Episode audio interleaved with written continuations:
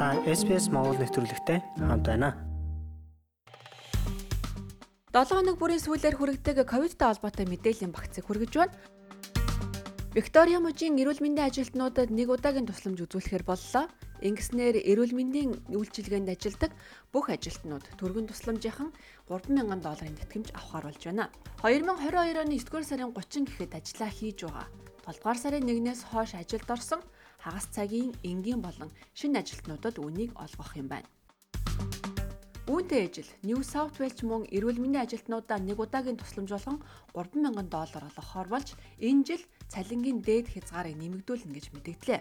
Мэргэжил бүрийн үйлдвэрчний эвлэлүүд цалингаа нэмэгдүүлэхийг шаардаж загсаал хийсний дараа COVID-19-ийн дэгдэлтийн үеэр эрүүл мэндийн ажилтнуудын ажлын ачааллыг харгалзан үзэж энэхүү шийдвэрийг гаргажээ.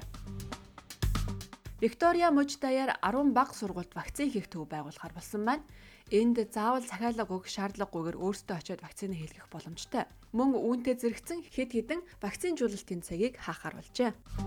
Австралийн дархлаажуулалтын зөвлөх баг 12-аас 15 насны зарим хүмүүст 3 дахь тун вакцина хийлгэхийг уриалж байна. Үүнд 3 сарын өмнө 2 дахь тун вакцинд хамрагдсан, дархлаа нь муудсан, хөгжлийн бэрхшээлтэй эсвэл эрүүл мэндийн хүнд өвчтөй хүмүүст Pfizer вакциныг хийлгэхийг зөвлөжээ.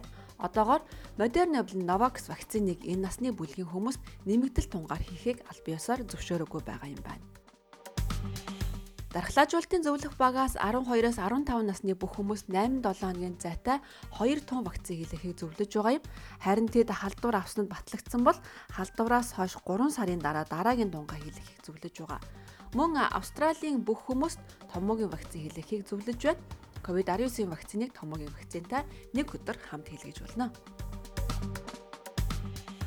Саут Австралийн мужид 6 сургууль дээр вакцин жуултын цаг байгуулахаар болсон байна.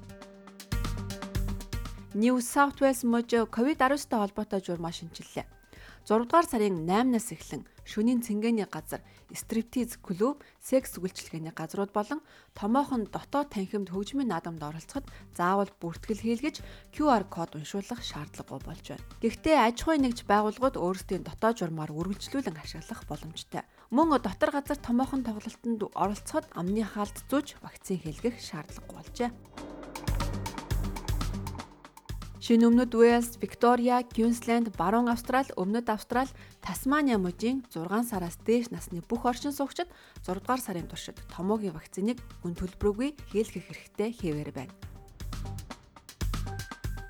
Өнгөрсөн амралтын өдрүүдэд New South Wales мужид саяхан Европоос буцаж ирсэн хоёр иргэнээс monkeypox-ийн дөрөв дэх болон тав дахь тохиолдлууд илэрчээ.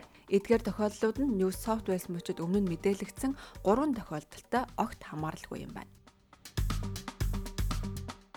Monkeypox өвчний тархалтай дэлхийн 29 улсаас 1000 гаруй тохиолдол бүртгэгдээд байгаа бөгөөд одоогоор эдгээр улсад нас барсан тохиолдол гараагүй байна. Дэлхийн эрүүл мэндийн байгууллага халдварт өртсөн орнуудыг дэгдэлтийг хянах цаашдын тархахаас урьдчилан сэргийлэхийн тулд бүх тохиолдол хавтагчдыг олж тогтоохыг уриалж байна.